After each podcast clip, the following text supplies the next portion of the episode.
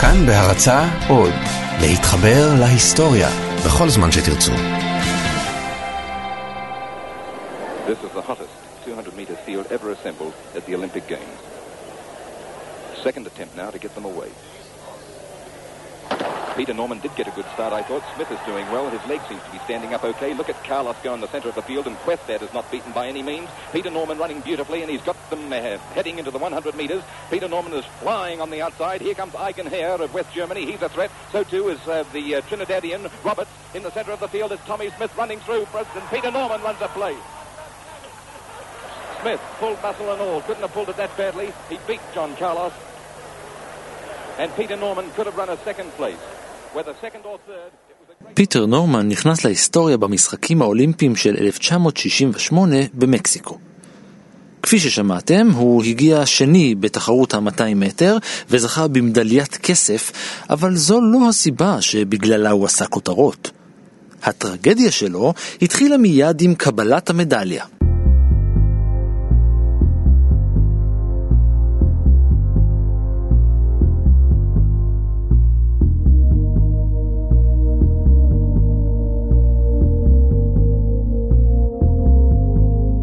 היי, אני ערן מנהר ואתם על מנהר הזמן. מדי פרק אנחנו מספרים לכם על מקרה שקרה בעבר מזווית שכנראה עוד לא הכרתם. הפעם נספר את סיפורה של הצדעת המחאה באולימפיאדת מקסיקו, אירוע אייקוני, שברקע שלו עמד מישהו שקצת נשכח מההיסטוריה. אנחנו מתחילים באוסטרליה.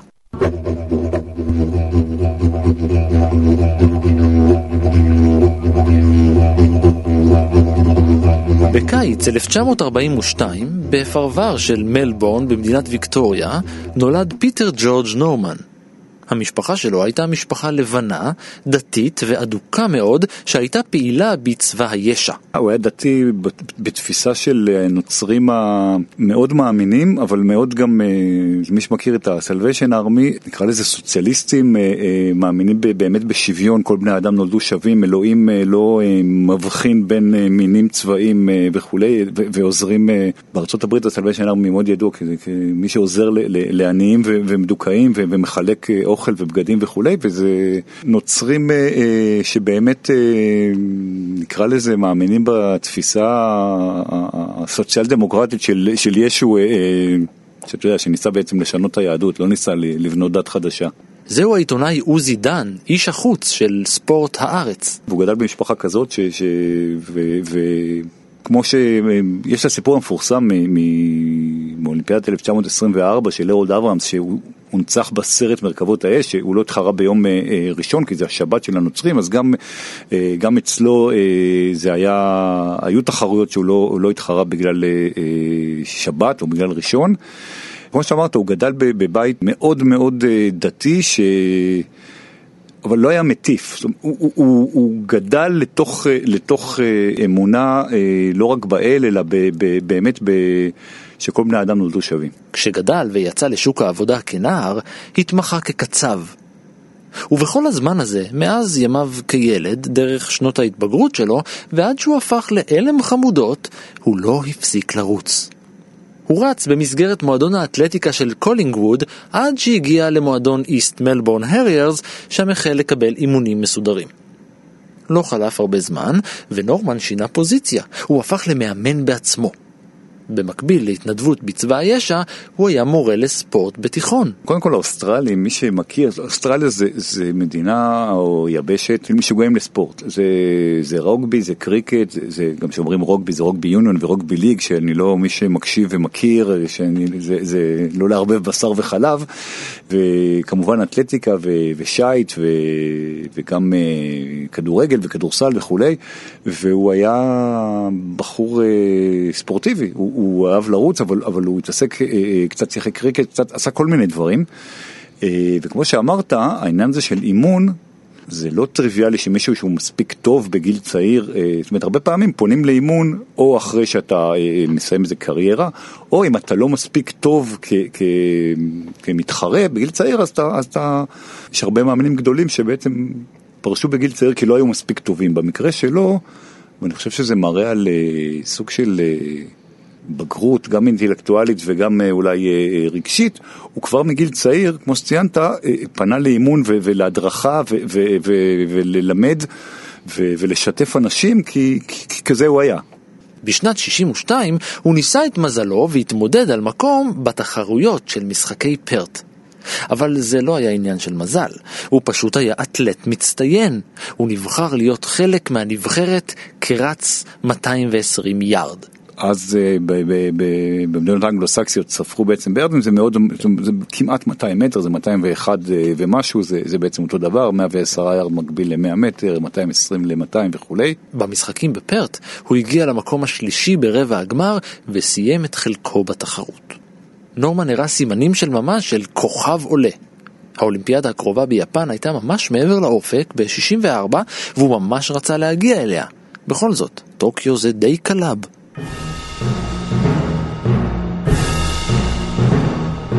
אבל נורמן בן ה-22 סחב כמה פציעות שמנעו ממנו את הכרטיס למשחקים האולימפיים. יותר מזה, השנה שלאחר מכן הייתה די בינונית עבורו. נראה שהקריירה שלו עוד לא התחילה והיא כבר בדעיכה. בשנת 66 החליט עולם האתלטיקה לעבור לשיטה המטרית, החלטה ששינתה את התמונה עבור נורמן שלנו. ריצת 220 יארד הפכה לריצת 200 מטר, ונורמן כתב את הטייטל הלאומי הראשון שלו. הוא רץ 200 מטר ב-20 שניות ו-9 מאיות. אני לא יודעת כמה זה מקרי שזה קרה בשנה של המעבר, זאת אומרת, אני לא חושב שבגלל שהתחילו לרוץ 200 מטר ולא 220 יארד, שזה 201 מטר ומה, אני חושב ש... אני חושב שזה פשוט עניין של, אה, זאת אומרת, יצא מפציעות, אה, היה בשנה יותר טובה. ככל שאני יכול להעריך, אני, אני חושב שזה מקרי, אבל כמו שאתה אומר, הוא זוכה באליפות אוסטרליה, אה, הוא חוזר להיות מדובר. התאחדות האתלטיקה העולמית ואולימפיאדות, עוד לא, עוד לא היו לפיות עולם, ספרו במטרים. כל, כל העולם היה, היה במטרים, ואפילו מבחינת אה, שיאים, זאת אומרת, אה, אה, אם רצת 220 יארד, יכול להיות שעשית שיא עולמי ב-200 מטר, זה לא הוכר, כי, כי זה לא נמדד ככה. אז הם ויתרו ב... נאלצו, לבט... נאלצו ל... ל... ל... ליישר קו עם, עם העולם. היום הרי בריטניה כבר עברה לשיטה, זאת אומרת המקום היחיד שעוד אה, מתעקש זה האמריקאים.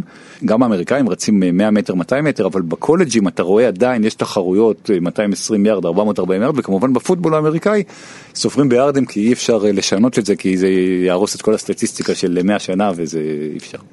בעוד שרצים מאטים ממש לקראת קו הסיום, נורמן נודע בשל היכולת שלו לסיים ריצה במהירות הולכת וגוברת. כמה מהרצים הכי גדולים בהיסטוריה, אוסיאן אה, בולט שכולנו מכירים, קארל לואיס שזכה בארבע מדליות אה, זהב ב-84 והיה אה, אולי אחד האתלטים הבולטים בהיסטוריה, שניהם נודעו בזה שהם זינקו לא כל כך טוב, אבל השתפרו בהמשך, זאת אומרת זה, זה סימן של אה, אצן אה, גדול, היכולת, זאת אומרת זינוק, אפשר, אה, זה עניין של כמה אתה מקשיב וכמה אתה מהר, זאת אומרת קשה, קשה לעבוד על זה. בולט למשל עבר מ-200 מטר ל-100 מטר, זאת אומרת הוא היה רץ 200 מטר במקור, כי המאמן שלו אמר ב-100 מטר, הזינוק שלך לא מספיק טוב, תרוץ קצת 100 מטר, נעבוד על הזינוק שלך כי הוא יותר חשוב ב-100 מטר, ואז יתברר שהוא רץ 100 מטר לא פחות טוב ואולי יותר טוב מ-200 מטר. ונורמן באמת אה, נודע, זאת אומרת בחלק של הש...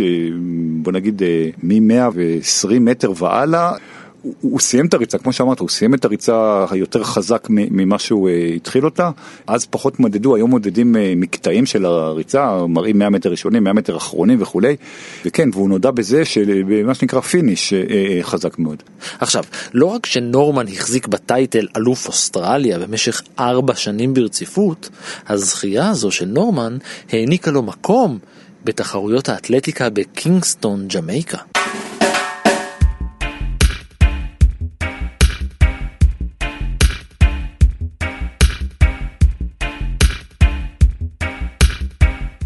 בקינגסטון הוא השתתף בכל תחרויות הריצה.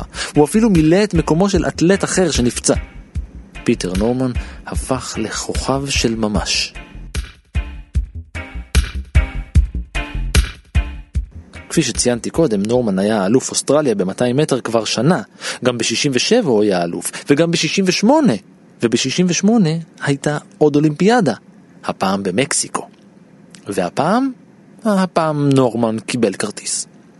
ב-12 באוקטובר היה נורמן בין יותר מ-5,000 ספורטאים שהגיעו מ-112 מדינות. מקסיקו סיטי בנויה בגובה של יותר משני קילומטרים מעל פני הים. לשם השוואה, מלבורן של נורמן בגובה 31 מטרים. צריך להגיד ש, שבמקסיקו, גם אנחנו, מי שמכיר את הקפיצה של בוב בימון, ה-890, שיא העולם המדהים ב- לרוחק בזמנו, בגבהים קשה למשל לרוץ אה, מרחקים ארוכים, זה משפיע לך על, על, על, על אה, סיבולת לב ריאה, אבל אה, מרחקים קצרים ו, וקפיצות, זאת אומרת אה, מעוצים, 100 מטר, 200 מטר, קפיצות אה, אה, לרוחק, האוויר הדליל מאוד עוזר, ולכן במקסיקו סיטי נשברו כל השיאים האפשריים בריצות קצרות, 100 מטר, 200 מטר שליחים, קפיצה לרוחק, שיאים אה, שהחזיקו לך מעמד אחרי זה שנים. אם תראה ליד ה... ברשומות, ליד השיא של נורמן וליד השיא של אה, אה, בוב בימון ואחרים, רשומה אותה קטנה A באנגלית, שזה אלטיטיוד, גובה. בזמנו זה היה נחשב שיא משנות ה... סוף שנות ה-70 או תחילת שנות ה-80. היום לא היו מכירים בשיא הזה. זה לא היה נחשב כשיא אה, עולמי או כשיא אוסטרלי, או כ... זאת אומרת, כמו, ש... כמו שרוח גבית מעל המותר, מעל שני מטר לשנייה, אה, אה, זה לא נחשב שיא, זאת אומרת, הזמן הוא זמן, זאת אומרת, אם היום אה, אתה רץ אה, אה, 19 אה, שניות ו-18 מאוד ומשפר את השיא של יוסיין בולט, אבל עשית את זה עם רוח גבית, זה יהיה הזמן שלך, אבל יכתבו אה, אה, W ליד, זאת אומרת wind, wind assist. אה, אז הגובה של מקסיקו סיטי מאוד מסייע, אבל הוא מסייע לכולם. זאת אומרת, זה שהאוויר דליל, הוא דליל עבור כולם, זה שהרוח גבית היא גבית עבור, עבור כולם, זאת אומרת, זה כמו שאומרים בצבא, שיורד גשם עליך, על האויב יורד גשם גם עליך. אז, אז זה לא עזר לו יותר משזה עזר לאחרים. להבדיל למשל מנבחרת ישראל בכדורגל, בכדורגל קשה לשחק בגבהים, שהיא שיחקה במקסיקו הרי, אז היא הגיעה, עשתה מחנה אימונים בקולורדו, בארצות הברית, כדי להתרגל אה, לגובה. והאמריקאים גם, אה, אה, המשלחת האמריקאית עשתה, עשתה מחנה אימונים בקולורדו ספרינגס, שזה מקום, בקולורדו בגובה אלף ומשהו מטר, ליד דנבר. נורמן ואחרים, זה לא, זה לא היה כמו היום, זאת אומרת, הם לא עשו את זה. אז, אז הקטע הזה של הגובה, זה לא סייע לו יותר מאחרים, ו, ומול המתחרים שלו בסופו של דבר, אה, לא היה לו יתרון, אולי, אולי אפילו אה, פחות היה רגיל לגבהים. נורמן ניצל את האוויר הדליל יחסית לטובתו. האצן בן ה-26 היה בשיא יכולתו, וביום פתיחת התחרויות רץ את המסלול ב-20 שניות ו-23 מאיות.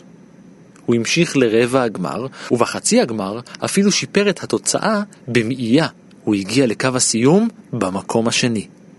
המדליה האולימפית שלו מעולם לא הייתה קרובה יותר.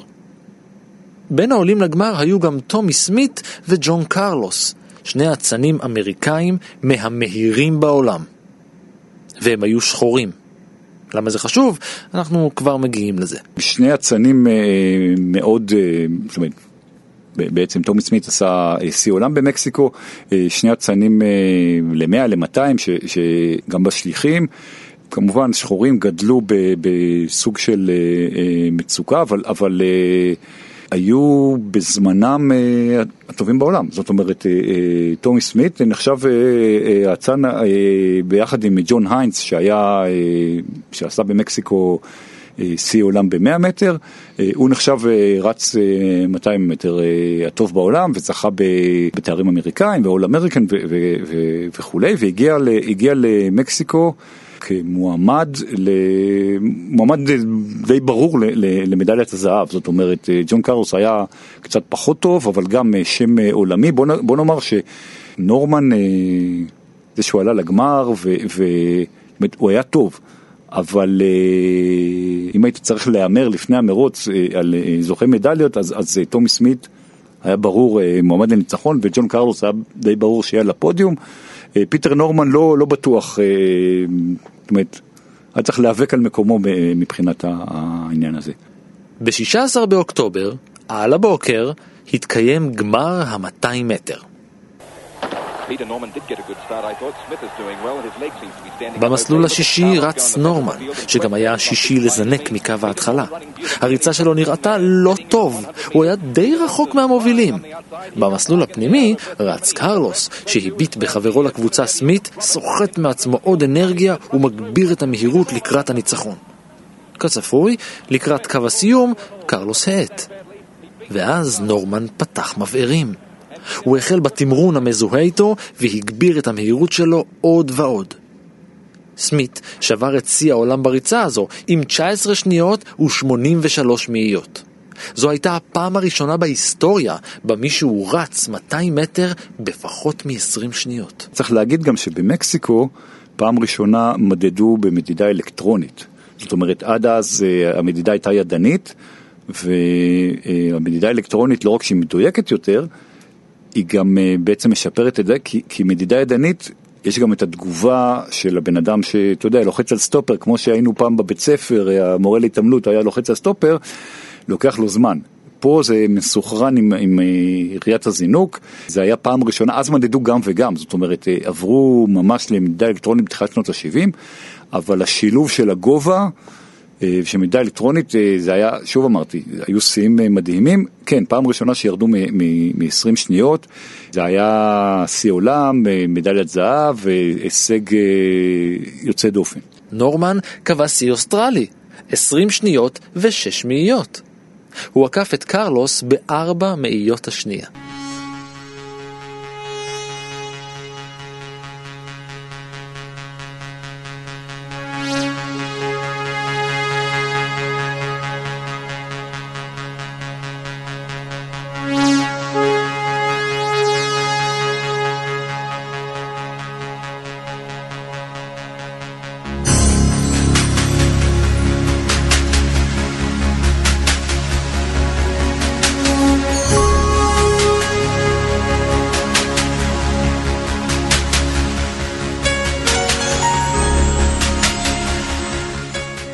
אתם יודעים איך זה באולימפיאדה. אחרי כל תחרות יש טקס הענקת מדליות. לפעמים הטקסים האלה משעממים, לפעמים הם ארוכים, ורק לעיתים נדירות קורה בהם משהו מסעיר. באולימפיאדה של 68 היה רק טקס מדליות אחד שלא היה משעמם, והוא נכנס להיסטוריה כאבן דרך במאבק לשוויון בין בני אדם. אחרי התחרות ולפני טקס המדליות, לפני שנכנסו אל האצטדיון ועלו אל הפודיום, סמית וקרלוס גילו לנורמן על התוכנית שלהם. הם תכננו מחאה. שנות ה-60 הסוערות היו שיאו של מאבק השחורים לשוויון, מרטין לותר קינג נרצח רק חצי שנה קודם, ומחאות בדרישה ליחס הוגן היו עניין נפוץ ונפיץ. שני הספורטאים האפרו-אמריקאים התכוונו לעלות על הפודיום ולהניף את האגרופים שלהם במחאה בזמן ניגון ההמנון האמריקאי. אנחנו מתכוונים ללבוש כפפות שחורות, הם גילו לנורמן. בדיוק אז, קרלוס נזכר שהוא שכח להביא את הכפפות שלו. נורמן הציע שישתמשו בזוג הכפפות של סמית, וכל אחד ייקח אחת. השניים הביטו בו, באיש האוסטרלי הלבן, ושאלו אותו אם הוא מאמין בזכויות אדם. בוודאי, הוא ענה. הם שאלו אותו אם הוא מאמין באלוהים. כיוון שהשתייך לצבא הישע, הוא ענה להם כן בהתלהבות. והוא לא הסתפק רק בזה, הוא גם הוסיף שהוא תומך בהם ויעמוד לצידם. מאוחר יותר סיפר קרלוס שציפה לראות בעיניים של נורמן פחד, אבל במקום זה הוא ראה שם אהבה. סמית וקרלוס ענדו על החולצות שלהם גם תג של הפרויקט האולימפי לזכויות אדם. בדרך אל הטקס ראה נורמן חבר במשלחת האמריקאית, ספורטאי לבן, שעונד גם הוא את התג וביקש גם הוא אחד. צריך להגיד שהתג הזה הוא אה, אגודה או, שקראה להחרמת האולימפיאדה על ידי ארצות הברית בגלל מגוון סיבות. אה, רצו אה, דרום אפריקה ורודזיה לא השתתפו במשחקים, זה דבר שקרה, כי דרום אפריקה הוחרמה עוד, עוד לפני, אבל אברי ברונדייג', הנשיא הוועד האולימפי הבינלאומי, אמריקאי, גזען חשוך. איש שתמך באופן מובהק אה, בנאצים במלחמת העולם השנייה, אנטישמי, אנטי שחור, מה שאתה לא רוצה, בן אדם מאוד מאוד, אה, היה יושב ראש הוועד האולימפי הבינלאומי, הם רצו שהוא אה, יסולק מתפקידו, כמובן שהם לא קיבלו את הדרישה הזאת. היו להם כל מיני דרישות שלא התקבלו, אבל, אבל כמו שאמרת, חלק מהמשלחת האמריקאית, בייחוד שחורים, לא רק, הסתובבו במקסיקו עם, עם, עם הטאג הזה.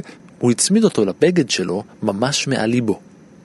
שני האמריקאים חלצו נעליים, והשלושה יצאו אל הטקס. הם בעצם עולים יחפים עם גרביים שחורות, זה בא לסמל את, את הדיכוי של, של, של השחורים בגטאות.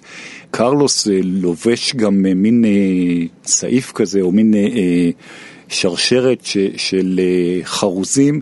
שבאה לסמל את, ה, את העבדים אה, ש, שנלקחו מאפריקה ומתו במיטות משונות בדרך, אה, לא משנה אם זה במחנות אה, המעבר ב, ב, עוד באפריקה או, או בספינות.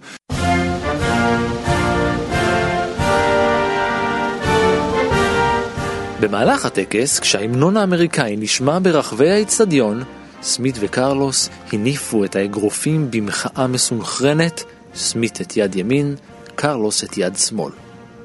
ואגב, הם, הם אה, אחרי זה דיברו על זה בגלל שההצדעה הזאת באגרוף היא, היא משהו שאמורים לעשות ביד ימין, ובגלל שאחד עשה ביד שמאל ואחד ביד ימין, בגלל שיש אחרות עקפות, אז, אז הם קראו לזה אחרת, הם, הם אמרו זה לא black power salute, זה, זה equal rights. אה, זה...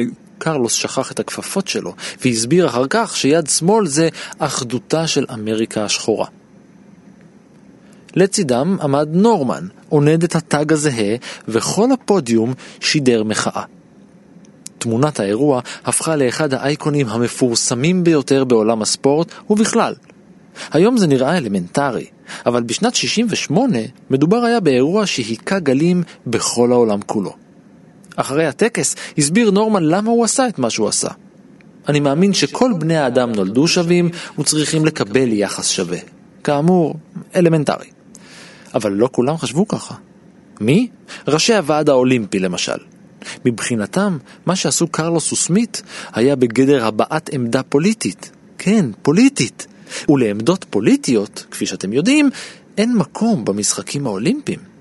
זה לא עולה בקנה אחד עם רוח המשחקים. הוועד האולימפי דרש לסלק את השניים מהכפר האולימפי.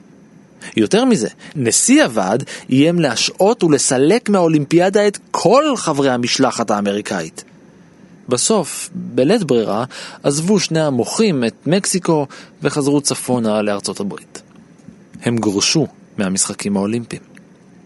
ההשלכות היו חמורות. הקריירות שלהם נגמרו בבת אחת, ובשל הלחץ הגדול, גם חיי הנישואין של שניהם. הם בעצם הפסיקו להיות אתלטים מקצועיים, הם הלכו אה, לשחק אה, פוטבול מקצועני, אה, משחק ש, שאפשר, ש, שאגב לא מעט אצנים אה, או אנשים מהירים, אה, אה, זאת אומרת, יש תפקידים בפוטבול שהמהירות מאוד מאוד חשובה בהם. קרלוס אה, שיחק ב-NFL, שיחק בסינסינטי בנגלס, קבוצה די רצינית ועשה... לא היה סופרסטאר, אבל, אבל התפרנס יפה, ו, ו, וגם סמית שיחק פוטבול. הם חזרו לאמריקה, נקרא לזה שסועה, מחלוקות, אבל הקהילה שלהם, האנשים שלהם קיבלו אותם כמובן כגיבורים. זאת אומרת, הם, הם עשו מעשה אה, אצילי ומחאה אה, שכל העולם דיבר עליה. כמובן שהיו כאלה שהתייחסו לזה כצורה הפוכה, אבל, אבל הם, הם, הם באו למקום ש, שלפחות האנשים שלהם תמכו בהם. גם הקריירה של נורמן נפגעה באופן קריטי. נורמן חזר הביתה לאוסטרליה הלבנה הגזענית שהתייחסה לאבוריג'נים יותר גרוע מאשר התייחסו בארצות הברית לשחורים. האוסטרלים ראו בנורמן אה, סוג של אה, אה, מוקצה, התקשורת הרגה אותו. התקשורת הרגה אותו, אה, היו בהתאחדות האתלטיקה האוסטרלית, אה, היה מי שהבין אותו, אה, הרוב התנגדו לו, צריך להגיד שהוא המשיך, המשיך בקריירה של, של מרוצים, הוא ב-1970 עוד היה אלוף אוסטרליה והשתתף בחבר העמים וכולי. אבל שמו לו מקלות בגלגלים לצורך העניין. הצליבה העיתונאית הפכה אותו למוקצה במדינה שלו.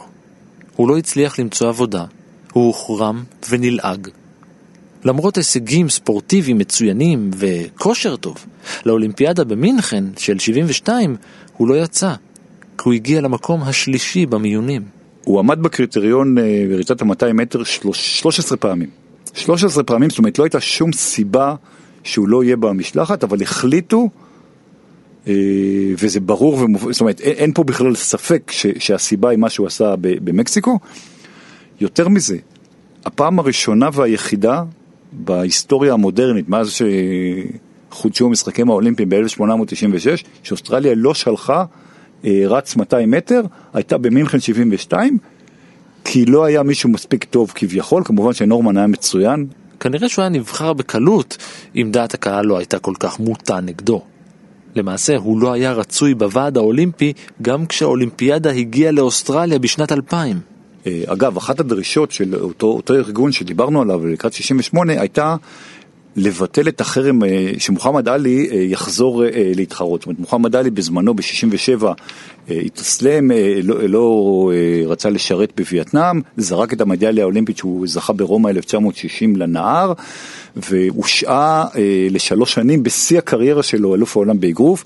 אחת הדרישות שלהם הייתה שההשעיה הזאת תבוטל, היא לא בוטלה. ב-1996, ארבע שנים לפני סידני, מוחמד עלי מדליק את הלפיד באטלנטה, באולימפיאדה בדרום ארצות הברית, זוכה, אה, מקבל מחדש מדליה שהנפיקו במיוחד, במקום זאת שהוא זרק לנהר, זוכה באהבה אה, גורפת מכל אמריקה, זאת אומרת גם אמריקה הלבנה, אה, הדרומית, זאת שהיום הצביעה לטראמפ לצורך העניין, והיה איזה, איזה באמת פיוס באוסטרליה, בשנת 2000, ארבע שנים אחרי, נורמן עדיין לא, אה, זאת אומרת, עדיין מסתכלים עליו בעין עקומה, עדיין יש עליו ביקורת, הוא סומן ב-1968 וסוג של אה, אות קין שהוא לא נפטר ממנו. באחד הראיונות איתו אמר קרלוס שבזמן שהם חטפו חבטות, נורמן נלחם במדינה שלמה. אז הוא פרש מספורט תחרותי, אבל הוא המשיך להתעמל עד שנת 85 במסגרות שונות, במועדונים שונים, בענפי ספורט שונים, למשל קפיצה לגובה. מה קרה ב-85? הוא נפצע בגיד אכילס ברגל, פציעה שהזדהמה, הפכה לנמק ואיימה על כל כף רגלו. אחד הרופאים שבדק אותו המליץ על כריתה של כף הרגל. למזלו רופא אחר טען שאי אפשר לכרות את כף הרגל של מדליסט אולימפי. נורמן עבר סדרה של טיפולים ונאלץ ללמוד ללכת מחדש. בין התרגילים הוא נאלץ לשבת בכיסא גלגלים. החיים בכיסא גלגלים שינו אותו מקצה לקצה.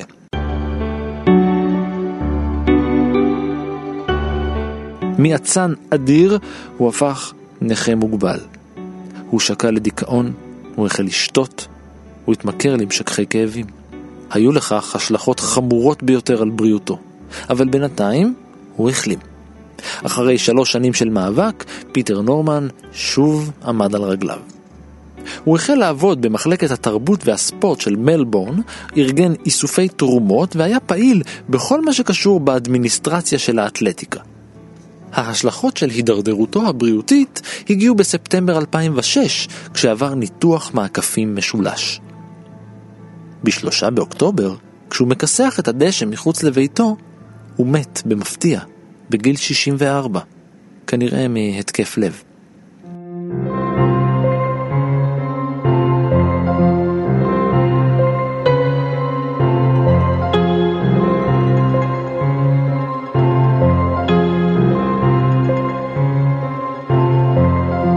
את ארונו נשאו בהלוויה סמית וקרלוס.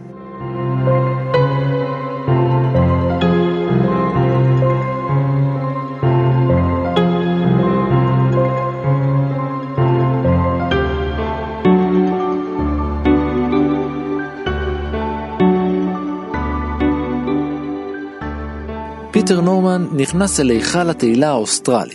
שם נכתב כי הוא ייזכר לא רק בזכות הישגיו על מסלול הריצה, אלא בשל תפקידו הקטן באחד מהרגעים הנוקבים בספורט העולמי. שש שנים לאחר מותו, ב-2012, הוציא בית הנבחרים האוסטרלי התנצלות רשמית.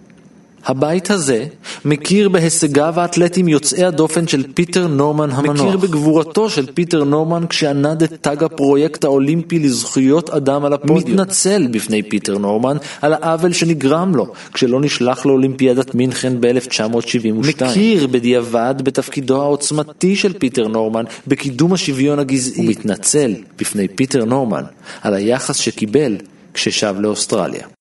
44 שנה אחרי שזה קרה ושש שנים אחרי שהבן אדם הלך לעולמו, זאת אומרת, אתה יודע, אם היו מפרסמים את זה נגיד בשנת 2000 לקראת האולימפיאדה, שהבן אדם אה, עוד בחיים, אז היית אומר אוקיי, זה מוטב מאוחר מאשר לעולם לא פה, זה, זה קצת, אה, זאת אומרת, הכוונה היא טובה, זה, זה ברור, אבל, אבל זה, אני חושב שזה רק מראה ההודעה הזאת, 2012 זה, זה אתמול, אה, כמה אוסטרלים בעניין הזה היו...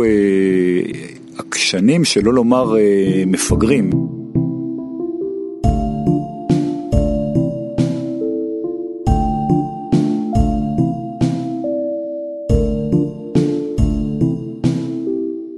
השיא האוסטרלי של נורמן לא נשבר עד היום. אנחנו היום כמעט 50 שנה אחרי, זה עדיין שיא אוסטרליה ב-200 מטר, זאת אומרת נכון שהוא הושג בגבהים שזה יותר קל, אבל עברו 50 שנה. זה דבר שהמקבילה היחידה שאני מכיר בעולם המערבי, אם אנחנו נחשבים מערבים, זה, זה אסתר שחמורוב בשיא שלה מ-72, שעדיין עומד ב-100 מטר אה, שיא ישראלי.